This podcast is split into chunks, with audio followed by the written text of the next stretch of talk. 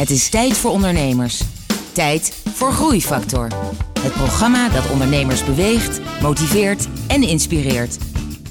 Hier is Kees de Jong, groeiondernemer en verbonden aan NL Groeit. Hoe je als 16-jarige de jongste medewerker van een groot accountancybedrijf wordt. Hoe een spiritueel inzicht zorgt voor een radicale koerswijziging.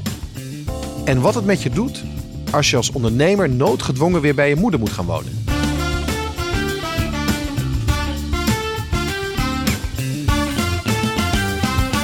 Hallo en welkom bij Groeifactor. Het programma dat ondernemers beweegt, motiveert en inspireert. Met veel muziek en een openhartig gesprek. Hier vandaag bij mij op de bank is dat David Schaap. David, welkom. Ja, dankjewel.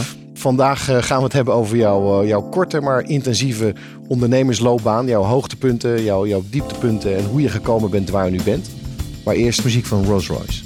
Groeifactor beweegt ondernemers.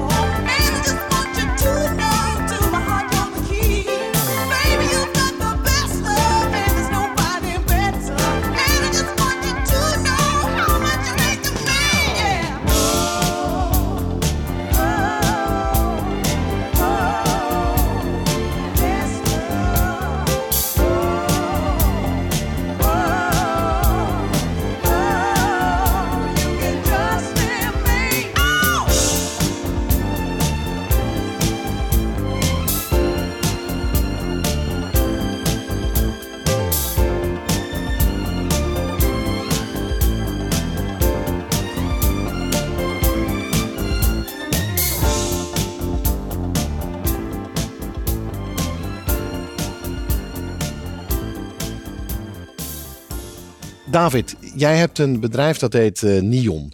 Ja, En eh, eh, dat heeft iets te maken met retail technologie. Ja. Dan kan je eerst uitleggen, want jij kan het beter dan ik, wat dat precies is. nou, wij bouwen eigenlijk hele specifieke software voor de inkoop van fashion. En dat doen we nu in de Benelux voor allerlei grote bedrijven zoals Omoda, OG, Shubalu. Dat soort retailers. Oké, en, en zij gebruiken dan jullie systemen om dingen te bestellen en dat gaat dan beter, makkelijker, sneller? Ja, zij, zij hebben hele grote bedragen uitgegeven aan, eh, aan kleding en schoenen. En dat doen ze middels onze applicatie om overzicht te houden van wat, wat ben ik nou aan het uitgeven en dat te optimaliseren. Oké. En eh, jij bent 26, zei ik al. En jij bent precies de helft van je leven ben jij ondernemer. Eh, nee, ik ben niet de helft van mijn leven ondernemer, maar ik ben wel zeker de helft van mijn leven ermee bezig. Toen ik 13 was, toen ben ik begonnen met, met programmeren. Maar ik ben echt mijn, mijn KVK-inschrijving, zeg maar. En dat was toen ik 18 was. Ja. Toen, toen En dat kon toen ook pas vanaf je 18e volgens mij. Klopt, ja. En eh, dus toen je 13 was, toen, toen ben je eigenlijk al actief eh, begonnen. En dat, hè, je, was, je was programmeer, Ja. fanaat. ja. Wat, wat deed je toen? Nou ja, kijk, ondernemen is natuurlijk eh, los van de verkoop gewoon ook creatie. En eh, toen ik 13 was, toen ben ik gewoon begonnen met programmeren. Ik vond het ontzettend interessant.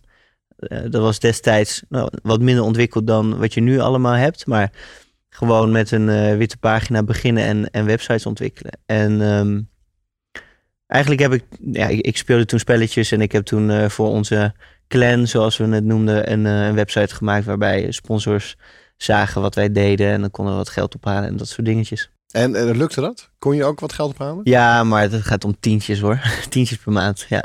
Maar ja, als je 13 bent en Ja. 10 per maand is... Ja, nee, klopt. En, en het is gewoon. ehm, maar het was vooral de leergierigheid, denk ik. En destijds had ik dat niet door, maar ondertussen heb ik daar eh, alles aan te danken. En toen heb je wel je school afgemaakt. Ja. Maar toen wilde je nog niet gelijk ondernemer worden. Want je hebt eigenlijk een, een accountancyopleiding mee begonnen. Nou, ik was ehm 16 toen ik van de HAVO afkwam. En ik was nog een beetje aan het zoeken van wat wil ik nou. Ik, ik was altijd heel erg goed in IT, maar ik vond het ook ontzettend nerdig. En ik was altijd een beetje bang om er ook een te worden.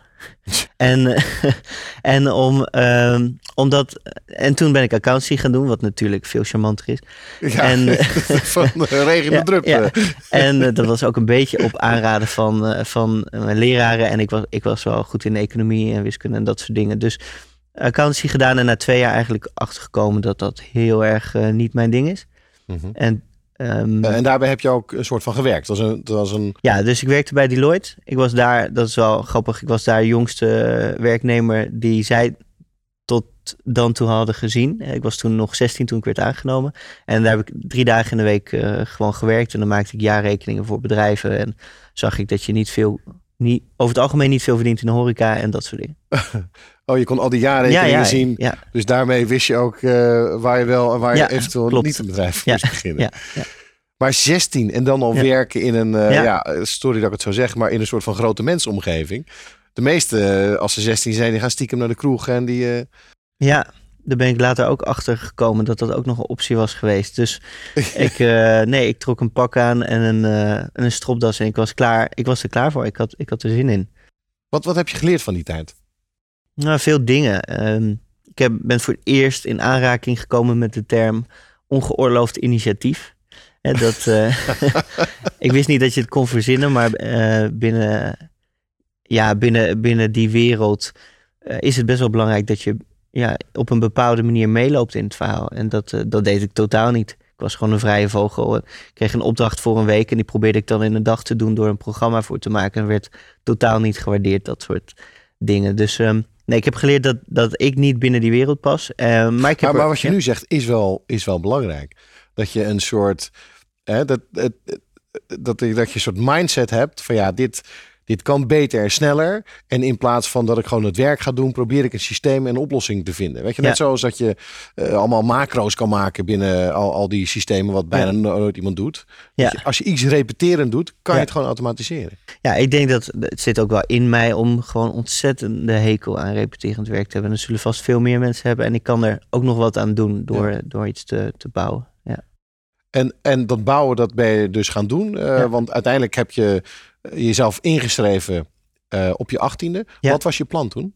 Nou, ik had eigenlijk ehm, niet echt een plan. Ik had een aantal klanten in mijn vrije tijd al die me iets van inkomen gaven. Ik was nog, ik zat nog op een studentenkamer, dus ik had ook niet heel erg veel nodig. Ik had ook nog studiefinanciering. Dus eh dat viel eigenlijk allemaal wel mee hoe spannend dat was. Dus ik ben het gewoon gaan doen. En eh, ik moet eerlijk zeggen dat ik programmeren... Ik heb het wel vrij lang gedaan, dus ik, ik, ik ben nog een jaar of drie gaan doen. Maar ik heb het toch ook wel een soort van losgelaten. Dus bijvoorbeeld vandaag de dag doe ik dat niet. Ja. Ehm, Nou, die, die, je hebt je ingeschreven destijds en de naam van je eerste bedrijf was? dat was eh, DS van David Schaap Webmanagement. Ja. Oh, sexy naam. ja, ontzettend 18 sexy. Ja, ja. Maar je bouwde websites. Eh, hoe kwam jij aan je klanten? Ja, dus acquisitie had ik ook nog nooit van gehoord. Dus ik kende wel wat internetfora waar mensen dan ehm, vroegen om ja, jongens die wat konden programmeren. En eh, dat, ging ook niet om groot geld of zo. Maar eh, daar, daar kwam ik aan mijn klanten. En ik moet zeggen dat ik al vrij snel in 2009 ehm, met iemand in contact ben gekomen die destijds mijn compagnon is geworden. En wij zijn eigenlijk met z'n tweeën een concept begonnen voor schrijvers en vertalers. Dat eh, ik programmeerde en hij promote. En zo ben ik eigenlijk veel meer met ondernemerschap in aanraking gekomen dan enkel programmeren. Zeg maar. Oké. En toen bouwde je eigenlijk je visie op van Ja, wie je wat wilde zijn en hoe je verder ondernemer. ja en dat, heeft, dat, is, dat heb ik denk ik drie, vier keer opnieuw moeten doen. En eigenlijk pas drie jaar geleden is me dat allemaal heel helder geworden. Openhartige gesprekken met inspirerende ondernemers. Je luistert naar Groeifactor.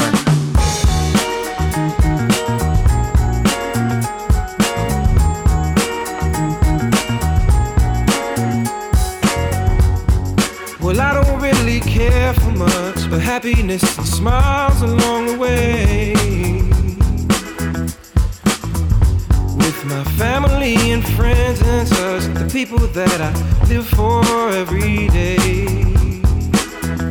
But it seems the days are going past a little faster every time the sun sets makes me think of all the places that I wanna go and all the things I haven't done yet. Where does time go? Has it been so long since I was young? Just a little one, having fun and playing in the sun. All the time goes so fast, and I wish I could hold on to what I used to have back in time.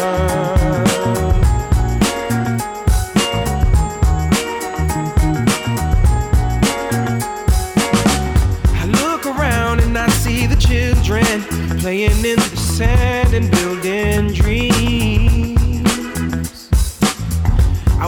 around and I see the lovers loving one another, and it seems there just ain't enough time enough to love enough or build enough. The little stuff that's always left behind. Where does time go?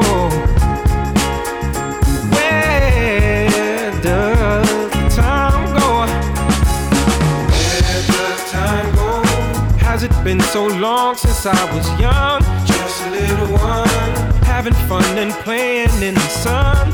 All the time goes slips away so fast, and I wish I could hold on to what I used to have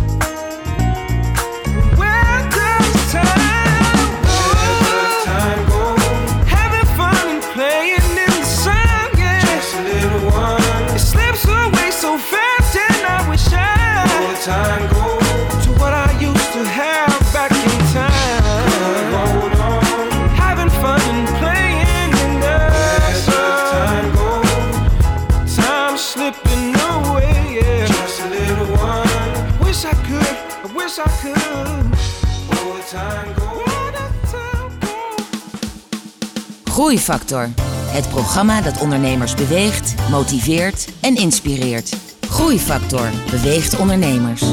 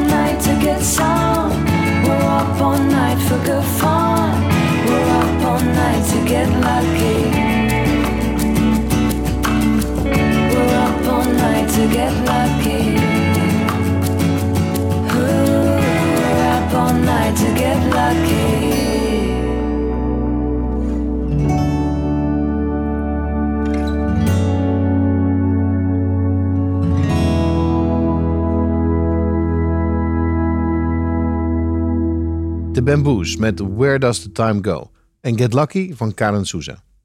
Ik zit hier eh, op de bank. Naast mij eh, zit David Schaap. David is 26. Heeft een mooi, gebra- eh, mooi bedrijf gebouwd, Nion. Ehm, en we zijn nu ongeveer bij de tijd dat je ongeveer 18, 19 was. Je had je ingeschreven met DS Webmanagement. Ja. Ehm, je leerde een compagnon kennen. Maar je zei, je hebt drie of vier keer een bedrijfje opgebouwd... waarna je pas het uiteindelijke concept hebt ontwikkeld. Ja. Wat was je eerste bedrijf? Wat was de, hoe begin die, die beginperiode? Hoe ging dat? Ja, dus eigenlijk, eh, kijk, als je 18 bent en je begint, dan heb je eigenlijk nog vrij weinig van het zakenleven gezien. Ehm, ik had ook geen netwerk. Ik had geen ondernemerskennis of ervaring of mensen om me heen die dat wel hadden. Dus het was ontzettend zoeken. En het enige wat ik had was zoveel drive dat ik gewoon altijd bezig was. Dus ik, ik heb Want dat was ook nog niet in de tijd dat al die universiteiten en hogescholen allerlei programma's hadden om ondernemerschap te stimuleren. Nee, ik heb daar eigenlijk eh, pas sinds twee jaar of zo hoor je dat wel over, of drie jaar misschien, maar ik heb daar destijds nooit van gehoord. En toen? Nou, ehm, ik denk dat ik, omdat ik mijn school niet heb afgemaakt, dat ik naast wat geld verdienen en concepten bedenken en dromen, gewoon ook heel erg bezig was met het mezelf aanleren van skills. Dus ik heb me helemaal suf gelezen. Ik heb zoveel boeken gelezen, meer dan ik op enige universiteit had moeten lezen. En ik, ik, ik ben me gaan verdiepen in gebruiksvriendelijkheid van, van websites, van apps, van dat soort dingen. Ik heb heel veel gelezen over marketing. Ik heb heel veel gelezen over psychologie, over de mensen. Ik was natuurlijk ook. Ik ben nog steeds heel jong, maar ik was toen wel dusdanig jong dat ik ook nog wel echt aan het opdrogen was. Dus ik was ook gewoon naar mezelf aan het zoeken. Ik weet nog dat ik. misschien doe, maak ik nu een stapje vooruit, maar toen ik 22 was en ik was eh, eigenlijk ontzettend goed bezig, maar heel professioneel. En dus ik dacht van ja, wie ben ik nou eigenlijk? Want ja, ik vind het eigenlijk hartstikke mooi om altijd een wit overhemd te dragen, maar ik vind eigenlijk mijn groene broek het leukst. Hm. Hè? En, maar die mag ik helemaal niet aan. Dus eh, wat wil ik nou eigenlijk zijn? Dus ik heb die hele struggle van persoonlijke ontwikkeling en ook gewoon eh, het leren van skills, dat, dat heb ik heel erg gedaan. Zeg maar tussen mijn 18, 19e en denk 23. En, en nu is dat niet opgehouden, maar nu heb ik veel sterkere basis om op voort te gaan. En hoe wist je wanneer je waaraan moest werken? Want je noemde al eerder van ja, ik had geen saleservaring.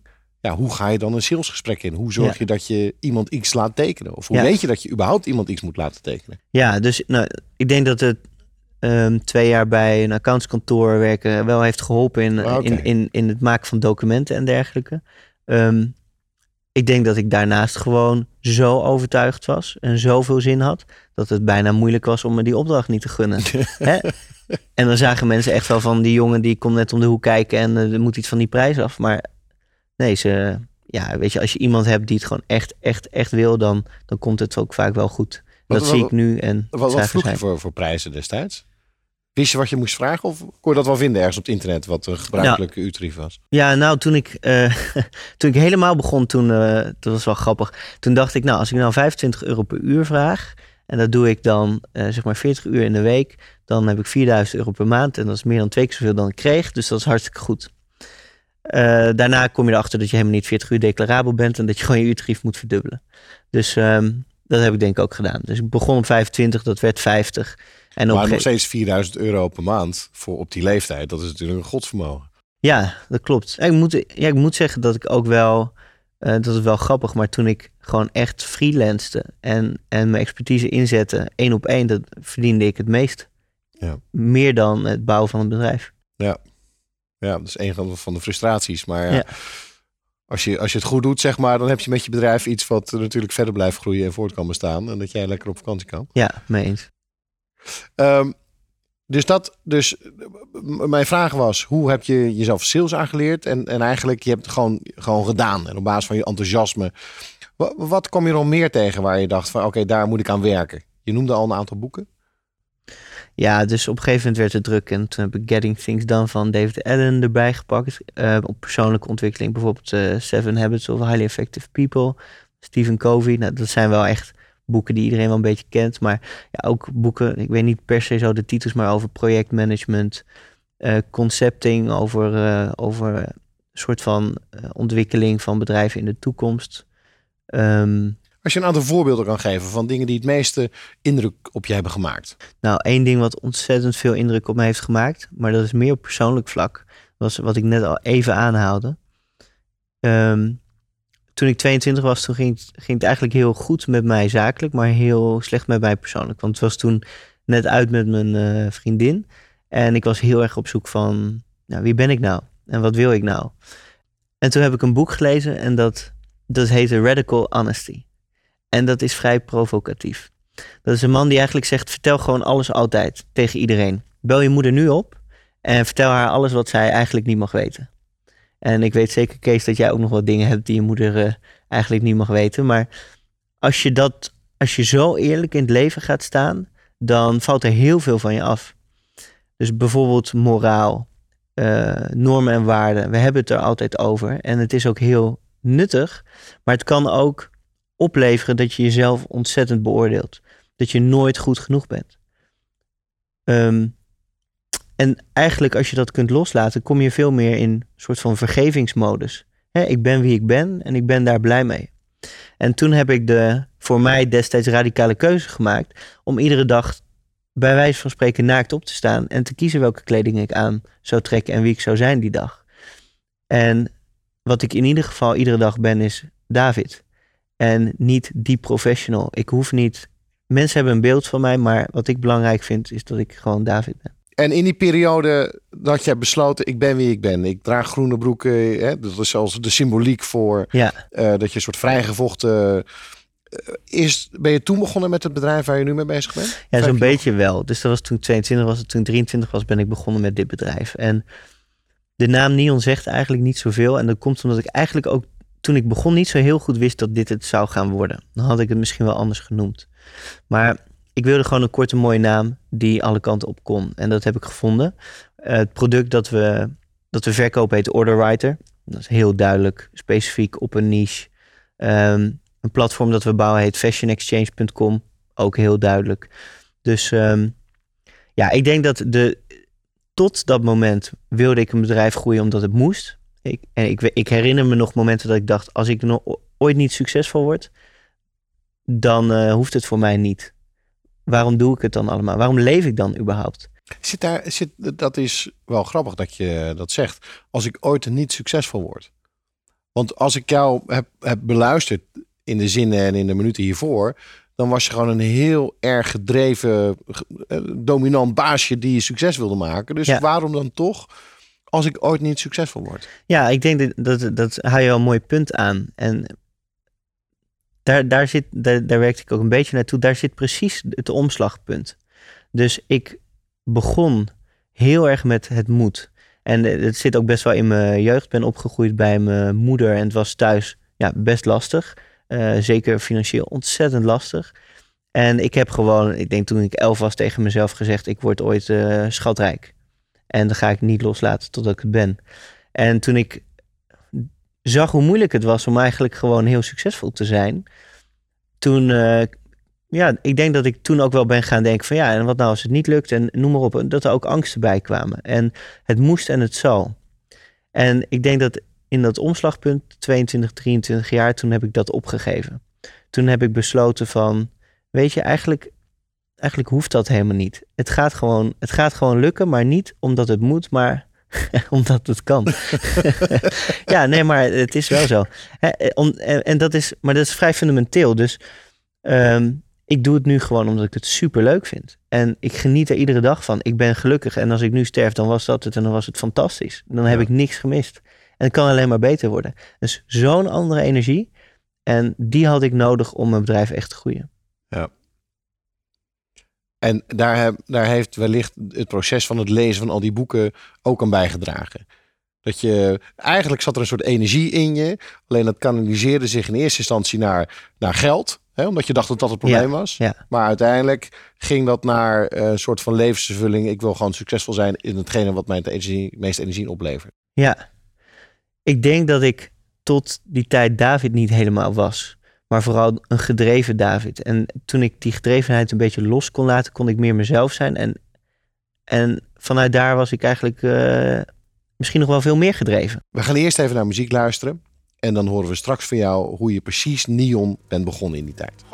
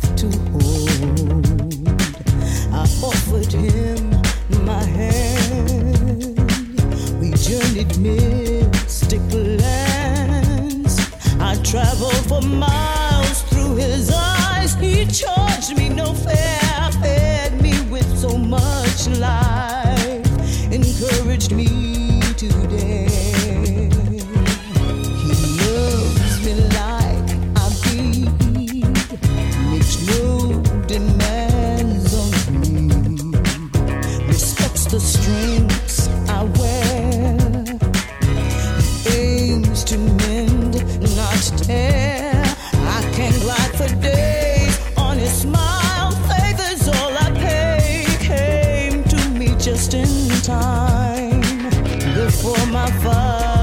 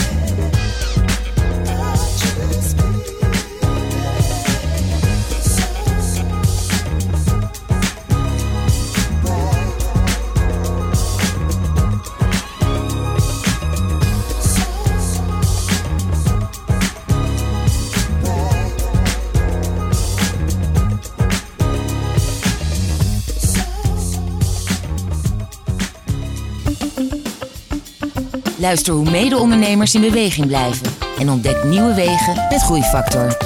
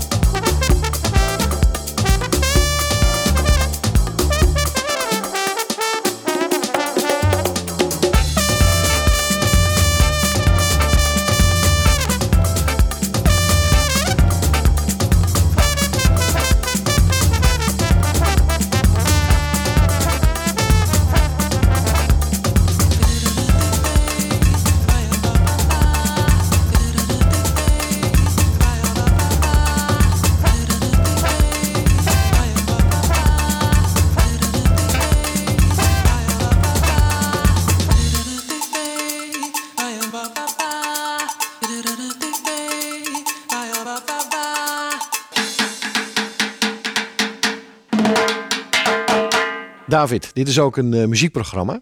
Heb jij als ondernemer iets met muziek?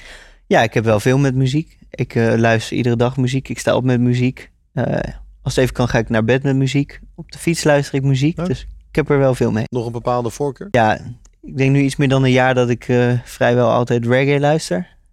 Ik heb daarvoor ook wel voorkeuren gehad voor jazz en zo. Maar ik vind reggae echt gewoon ontzettend fijn om naar te luisteren. Oké, en als je opstaat met muziek, wat... eh, Nou, reggae dus. nee, ik heb een hele mix. Het grappige aan reggae is dat, dat het gros van de muziek best wel slecht is. Maar het is gewoon heel fijn om naar te luisteren. Je hebt natuurlijk een soort Bob Marley, die is gewoon ontzettend, ook echt ontzettend goede muziek. Maar er zit ook gewoon heel veel, een beetje eh, niet al te beste artiesten tussen waar ik ga, toch graag naar luister. Niet te vaak, maar toch graag. Dus ik sta op ehm, en onder de douche heb ik een, eh, een, eh, waterdichte radio. Of speaker moet ik zeggen. En via Bluetooth luister ik dan eh, drie nummertjes. Oké. En dan eh, drie nummertjes? Ja, dus ik heb, dat is een beetje onderdeel van mijn ochtendroutine. Ik, ik, ik moet niet te lang douchen, dat is een valkuil van mij. Dus ik luister gewoon drie nummers en dan ga ik eruit. Doe ik de eerste twee nummers eh, warm. En dan het laatste nummertje, dan zet ik hem op koud. En dan sta ik half te springen onder de douche om mezelf warm te houden. Maar Schijnt wel enorm gezond te zijn. ja, nou, je wordt er ook heel wakker van. Ja, ja. Ja, dat ja.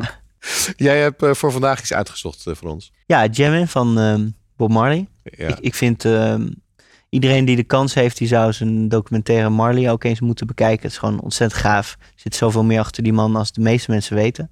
En eh, dit is gewoon een nummer waar je nooit genoeg van krijgt. Jamming van Bob Marley.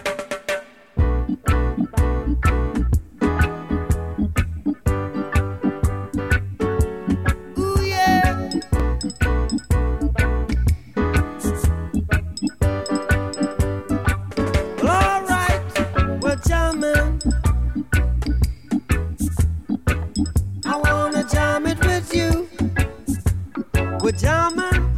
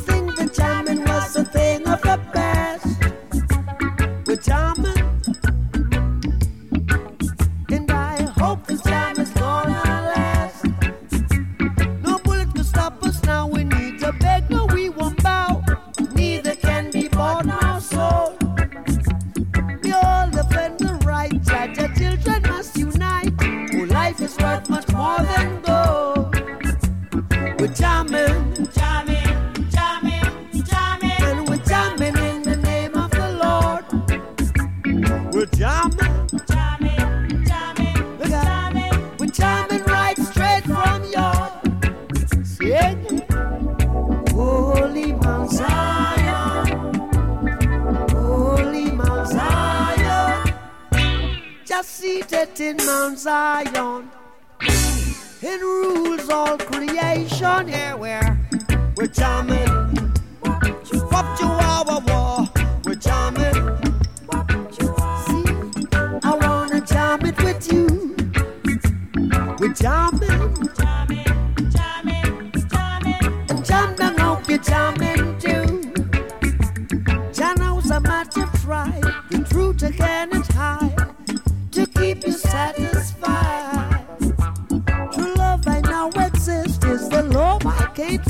So Time by my side. Well, jam it. Jam it, jam it, jam it. I wanna jam it with you.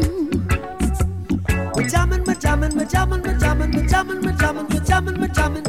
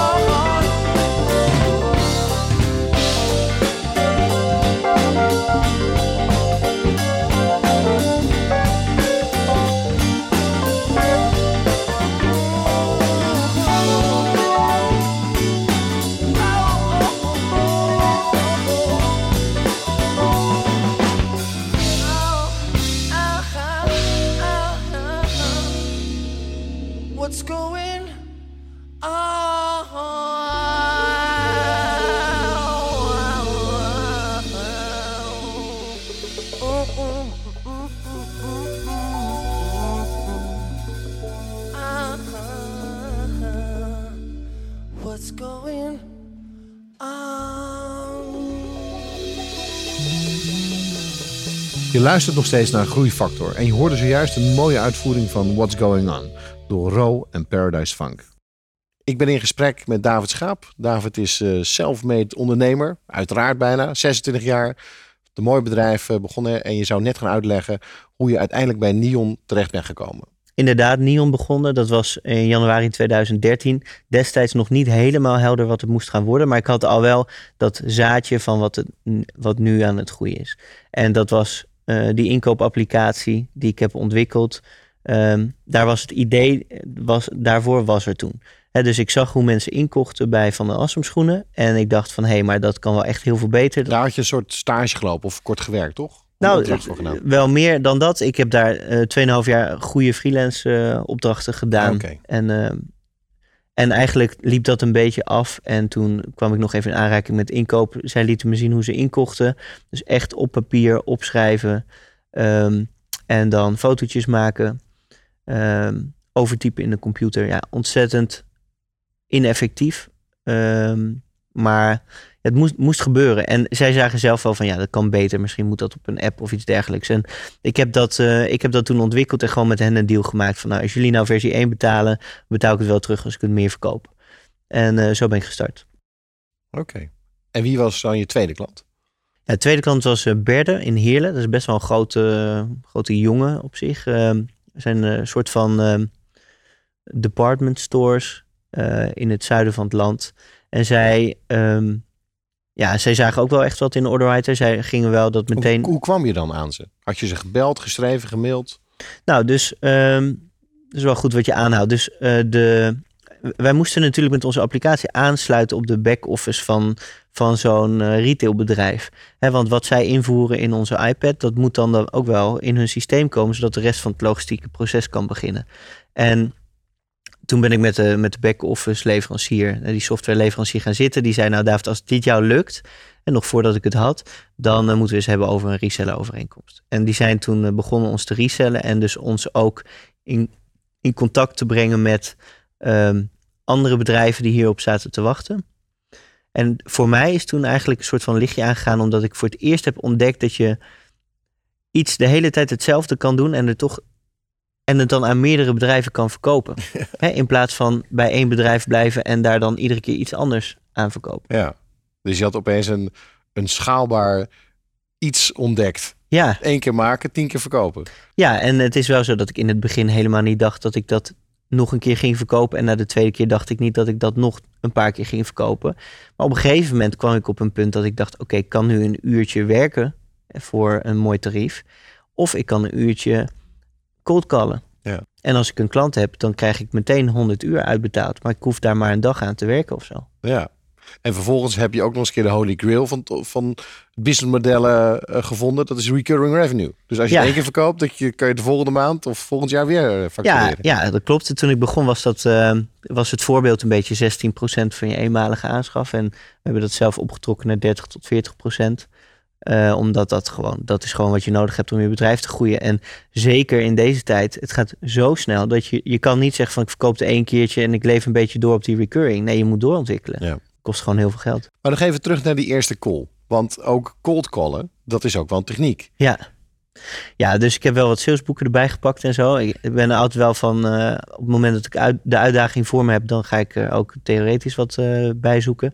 Maar nee, cold callen was, was verschrikkelijk. Ja, dat was ontzettend moeilijk, maar ik vind het nu ontzettend leuk.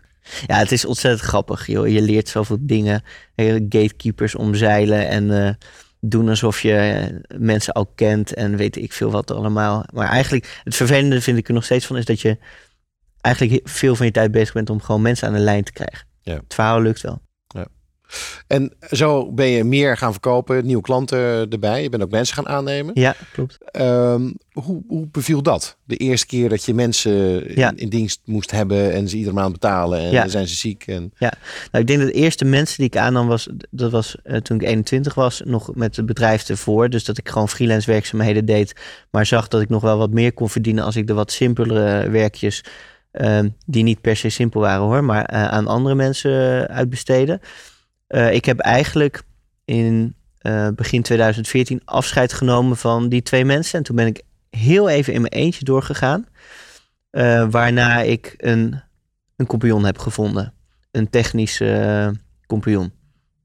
En dat was ook het begin van een nieuwe, een nieuwe kijk op mensen in je bedrijf. dat ze niet alleen maar als medewerker, maar dat je het echt als partner. Was dat Nee, het? niet zozeer dat. ehm, want ik had daarvoor ook al even met een compagnon gewerkt en daarmee gestopt. Nee, wat het was, is dat ik werkte met twee mensen die dat wat zij deden minder goed konden dan ik. Hè, dus het was echt een beetje zo'n soort van accountancy structuur waar je een topman hebt die een paar eh, eh, middelmanagers hebben die weer wat mensen hebben. En je, je besteedt het, het steeds makkelijkere werk naar beneden uit. En dat betekent Waarin je dat heel scherp bent op het ongeoorloofd eigen initiatief. eh, Juist. en uren bij gaat houden en zo. En ehm, daar hoort bij dat je ontzettend veel moet managen. Ik dacht toen ook van ja, maar ik ben helemaal geen manager. Ik vind het verschrikkelijk om de hele tijd te kijken of iemand zijn werk wel doet. De omslag was dat ik met iemand ging werken. ehm, Erwin Rossen, die nu nog steeds partner is. En die, ehm, die, die kwam van ASML. Die, had, eh, die was toe aan een uitdaging. En die was gewoon zoveel beter in wat hij ging doen bij ons dan ik. Dat er helemaal niks te managen was. En die was van zichzelf al gemotiveerd. Dus er was helemaal niks te motiveren. Dus dat ging gewoon zo seamless dat je opeens een soort van goede manager bent, want je hoeft niks meer te doen. En wij hebben begin 2016 een, eh, een investeerder gevonden. Ook een hele, heel fijn persoon die ons eh, echt eh, met ons meedenkt en goed helpt. En toen zijn we echt wel in een stroomversnelling geraakt. En toen hadden we opeens geld om echt gas te geven. Ehm, dus ja, toen, toen ik heb drie salesmensen aangenomen. Ehm, we hebben nu een CFO erbij die ook partner is geworden. Eh, we hebben eh, twee programmeurs erbij aangenomen. We hebben allerlei freelancers eh, erbij gehaald. Dus ja, afgelopen jaar is er heel veel gebeurd. Wow. Dus het is een stroomversnelling. Ja, absoluut. Ja. Nou, daar gaan we straks verder over praten. Luister eerst even naar muziek.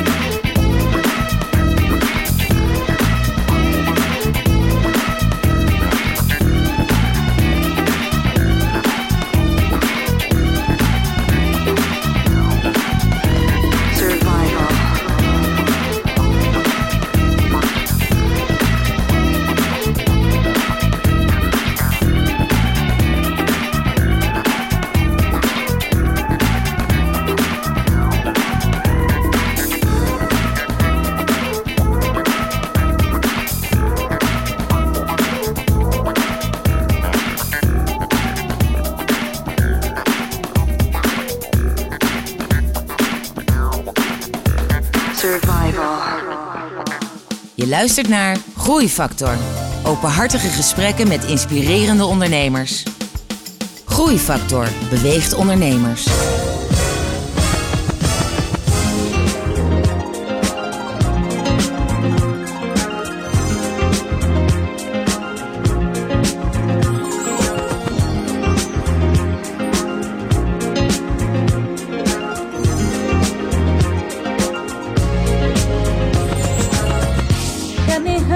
you, and you're leaving me. Said you need my.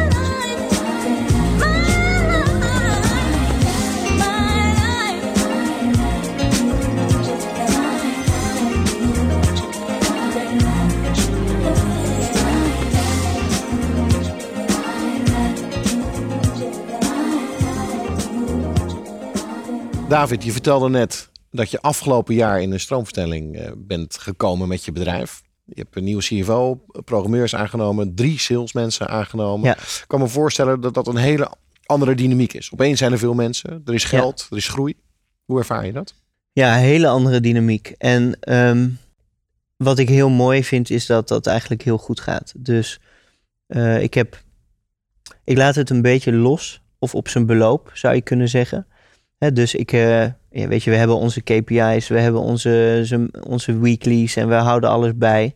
Maar ehm, ik, ga niet in de, ik zit niet in de modus waarin ik per se wil dat alles helemaal goed loopt. Maar ik, ik geef iedereen wel echt de vrijheid om gewoon zijn ding te doen en er succes van te maken.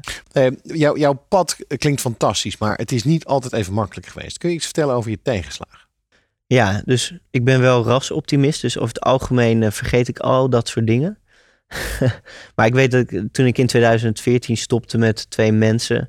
En toen, ehm, toen maakte ik eigenlijk de omslag van de omslag naar alleen maar op dit product focussen. En eh, toen heb ik dus ook volledig losgelaten om ehm, uurtje factuurtje te werken. Was voor mijn omzet was dat vrij dramatisch. Ehm maakt wel dat ik daardoor snel mijn salesproces eh, ging optimaliseren. Maar het was heel slecht voor, me, voor, voor mijn omzet. En mijn kosten waren vrij hoog. Dus ik moest gewoon strippen, strippen, strippen.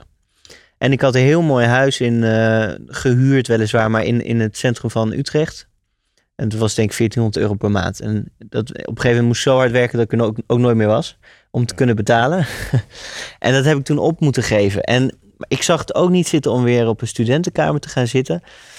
Ik kon eigenlijk geen kant op. En toen heb ik, heb ik echt mijn ego overboord gegooid. En toen ben ik weer bij, me- eh, in- bij mijn moeder ingetrokken. Klein kamertje in Oosterbeek. En ehm, ja, dat was, wel, dat was wel een dieptepunt, ja. Maar je moeder vond dat fantastisch, denk ik. Voor mijn moeder was het hoogtepunt. ja. ja. En daar heb je dan gezeten? En, en Ja, dat was dan bedoeld voor een paar maanden. Dat werd negen maanden. Ja. Ehm, stiekem als je er zit en er wordt voor je gekookt als je thuis komt, valt allemaal nog best wel mee. Ja. Ehm, en eigenlijk was dat heel goed. Dat was echt heel duidelijk van, soms moet je, moet je gewoon even door die zure appel heen bijten. Ja. En dat heb ik gedaan. En wat ik ervoor terugkreeg was eh, een bedrijf dat in de groei zat en eh, wel weer het geld om gewoon iets gaafs in Amsterdam te nemen. Ja, en, en dat is nu uiteindelijk uitgemond tot je bedrijf dat je nu hebt samen Ja, met, je, precies. met je compagnons, Ja. met een investeerder, Ja. wat heel erg hard Ja. groeit. Ja. Ehm, we gaan eerst even naar muziek luisteren. Eh, straks wil ik het met je hebben over eh, je ambities en waar je wil komen met je bedrijf.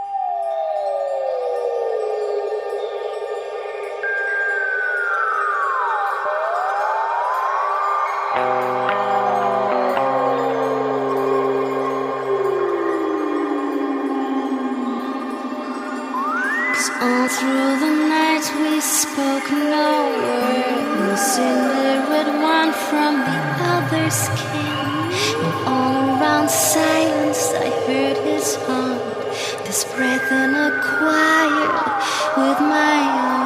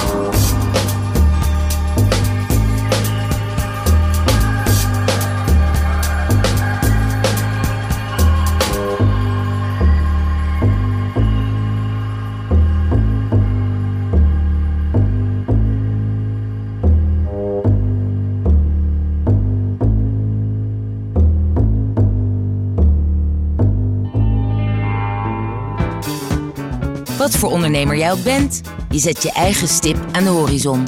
Een idee, een ideaal, een ambitie. Groeifactor helpt je daarbij, zodat je persoonlijk en zakelijk vooruit kunt. Groeifactor beweegt ondernemers. Well,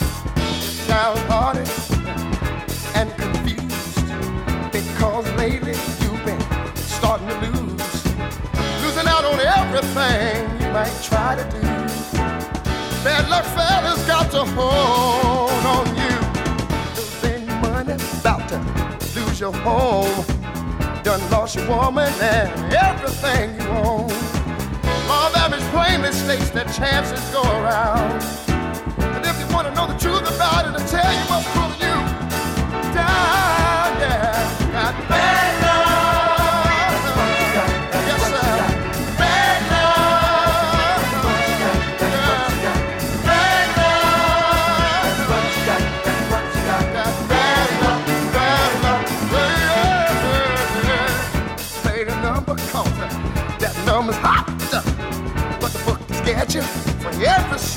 you. Walk around in a day with your pockets back.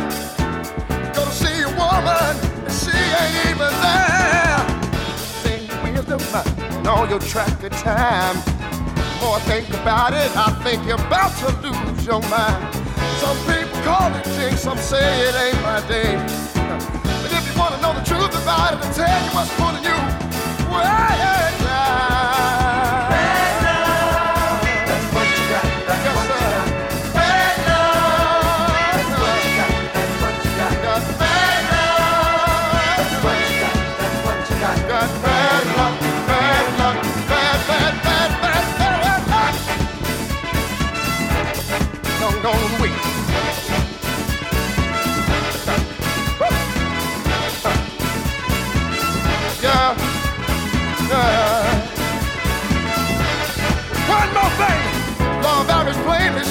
Chances go around.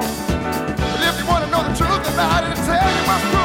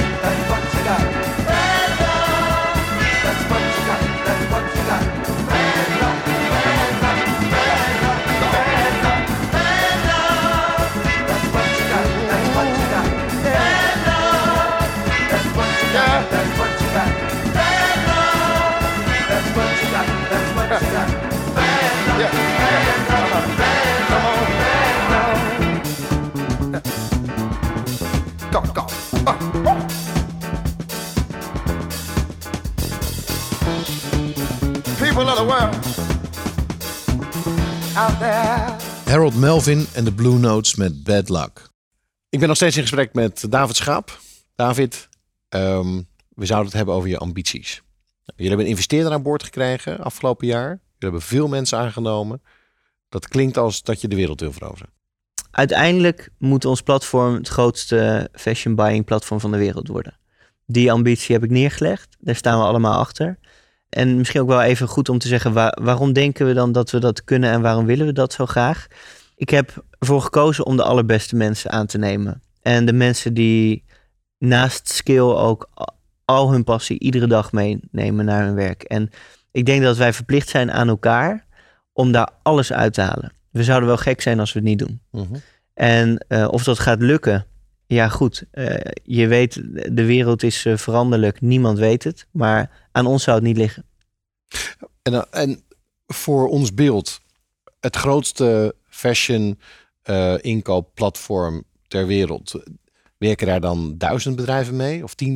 En heb je dan 30 miljoen omzet of 100 miljoen? Of hoe, wat voor grootheden moet ik denken? Ja, ik, ik ken hun precieze omzetten niet, maar er werken dan wel tienduizenden retailers mee. Maar ik moet wel zeggen, het, het, het fashion platform waar ik het over heb, wat wij uiteindelijk willen worden, dat is er niet. Hè, dus er zijn wel grote buying platforms, maar wij lijken een soort van softwarebedrijf. En wij, maar ooit zullen wij een groot platform worden. En dat betekent ook dat wij werken aan de technologie die zich best wel verankert in bedrijven en vanuit daar een platform bouwen. Eh, dat klinkt een beetje moeilijk misschien. Maar de platformen die er nu zijn, die zijn begonnen als platform. En wat je dan krijgt is dat ja, mensen loggen in op zo'n platform, die doen daar hun eh, ding en dat gaat dan naar iemand anders die ook dat platform gebruikt. Hè. Dus je koopt iets op dat platform, je verkoopt iets op dat Ja. platform. Maar wat daar niet achter zit, is een hele strakke connectie met bijvoorbeeld de kassa's van zo'n winkel. Ja. Dus jullie zitten al in de systemen van jullie klanten. Hè, jullie zitten al in de voorraadbeheersystemen, in de logistieke optimalisatie. En, en vervolgens knoop je Ja. die dingen aan elkaar. Dus, dus eigenlijk zit je meer verankerd in die klanten. Ja, dus eigenlijk ontwikkelen we een nerve system in de markt. Waar ooit met een mooie frontend een platform van wordt gemaakt. Meer dat dan dat we beginnen met die frontend en hopen dat we daarna nog een soort van kunnen verbinden met, eh, met Ja. de back-office van die systemen. Hey, maar dat is dus wereldwijd. En dat wil Ja. zeggen dat voor jou ook een andere rol. Want dan moet Ja. je ook uiteindelijk wereldwijd klanten gaan werven en op beurzen staan. En hoe bereid je je voor op die ontwikkelingen? Ja, dus ehm, we zijn van mening dat we eerst ontzettend succesvol moeten zijn in de Benelux. Omdat eh, we dat succes dan kunnen meenemen in het buitenland. We willen in 2017 nou wel gaan experimenteren. Dus we, hebben, eh, we zijn nu bijvoorbeeld in gesprek met freelancers die ons in het buitenland kunnen helpen. En kijk, ik heb natuurlijk eigenlijk bijna in mijn eentje in eerste instantie ben ik die Nederlandse markt opgegaan. Dus ik weet wel heel eind wat er voor nodig is. En wat ik eigenlijk gewoon wil, is ik ga gewoon naar een land. Ik, kijk naar, ik, ik praat met de top 10 retailers. Ik kijk of ik al een deeltje kan doen. Ik praat met de top softwareleveranciers. En dan voel ik denk ik wel hoe die markt in elkaar zit. En de wereld is zo groot dat als het ene land het niet is, dan maar het andere. Dat maakt eigenlijk ook niet zo heel veel uit. Ehm, David, heb jij tips voor ondernemers? Ja, ik heb zeker wel wat tips. Ehm, ik krijg wel eens de vraag van, moet ik wel of niet een compagnon nemen? Ik heb er nu natuurlijk één. Ik heb er daarvoor één gehad. en daar ben ik vanaf het begin mee begonnen. En ook nog eentje die later is afgevallen. Wat ik daarover kan zeggen is dat ik denk dat het een verstandig idee is, als het kan, om in je eentje je bedrijf te beginnen. En vervolgens een compagnon erbij te zoeken. Ik denk dat het wel zonde is om er geen te zoeken. En het mooie is dat als je er eentje vindt terwijl je al bezig bent, als het dan niet loopt, dan blijft het bedrijf ook van jou. En, ehm, en je kunt een veel beter persoon vinden, omdat hij dan moet insteken op een verhaal dat al loopt. Dus je, je weet wat je nodig hebt, laat ik het zo zeggen. Ehm, dus dat, dat is wel een, een tip. Eerste tip. Tweede tip. ja, tweede tip is. ehm, ik, ik heb me op een gegeven moment heel erg gefocust op een niche. En toen heb ik de tip gekregen, die ik dan nu weer doorgeef, om wereldberoemd te worden binnen je doelgroep. En ehm, als die doelgroep klein genoeg is, dan kan dat ook. Hè, dus zorg gewoon, weet je, we hebben bijvoorbeeld, nou, ik denk 500 tot max 1000 bedrijven in Nederland waar wij ons echt op focussen. En eh, ja, die moet ik gewoon allemaal kennen. En de meeste ken ik ook. En ik moet die mensen er allemaal achter allemaal kennen. En zij moeten mij allemaal kennen. En dat kan. Ja. Ik sprak met eh, David eh, Schaap van zijn bedrijf Nion. En, en David, het, het mooiste aan jou en het mooiste aan dit gesprek... wat ik heb geleerd is jouw enorme drang om jezelf te blijven verbeteren. En met name die fase van je 18e tot je 21e... dat je alle boeken hebt gelezen om maar vervolgens verder te komen. Eh, dat vind ik heel mooi. Vind ik een heel mooi voorbeeld ook. Je gaf in het begin aan van ja, ik wil geen IT'er worden, want dat zijn allemaal nerds. Nou, je hebt laten zien dat je ook IT'er kan zijn zonder het, uh, het nerderige. En daarmee ben je denk ik wel een voorbeeld uh, voor veel andere ondernemers. Dus ik wil je danken voor dit gesprek. Dankjewel. En bedankt voor het luisteren naar Groeifactor. Graag tot de volgende keer en nog een fijne dag. Ga naar mkbbrandstof.nl voor nog meer inspirerende verhalen van mede-ondernemers. Groeifactor beweegt ondernemers.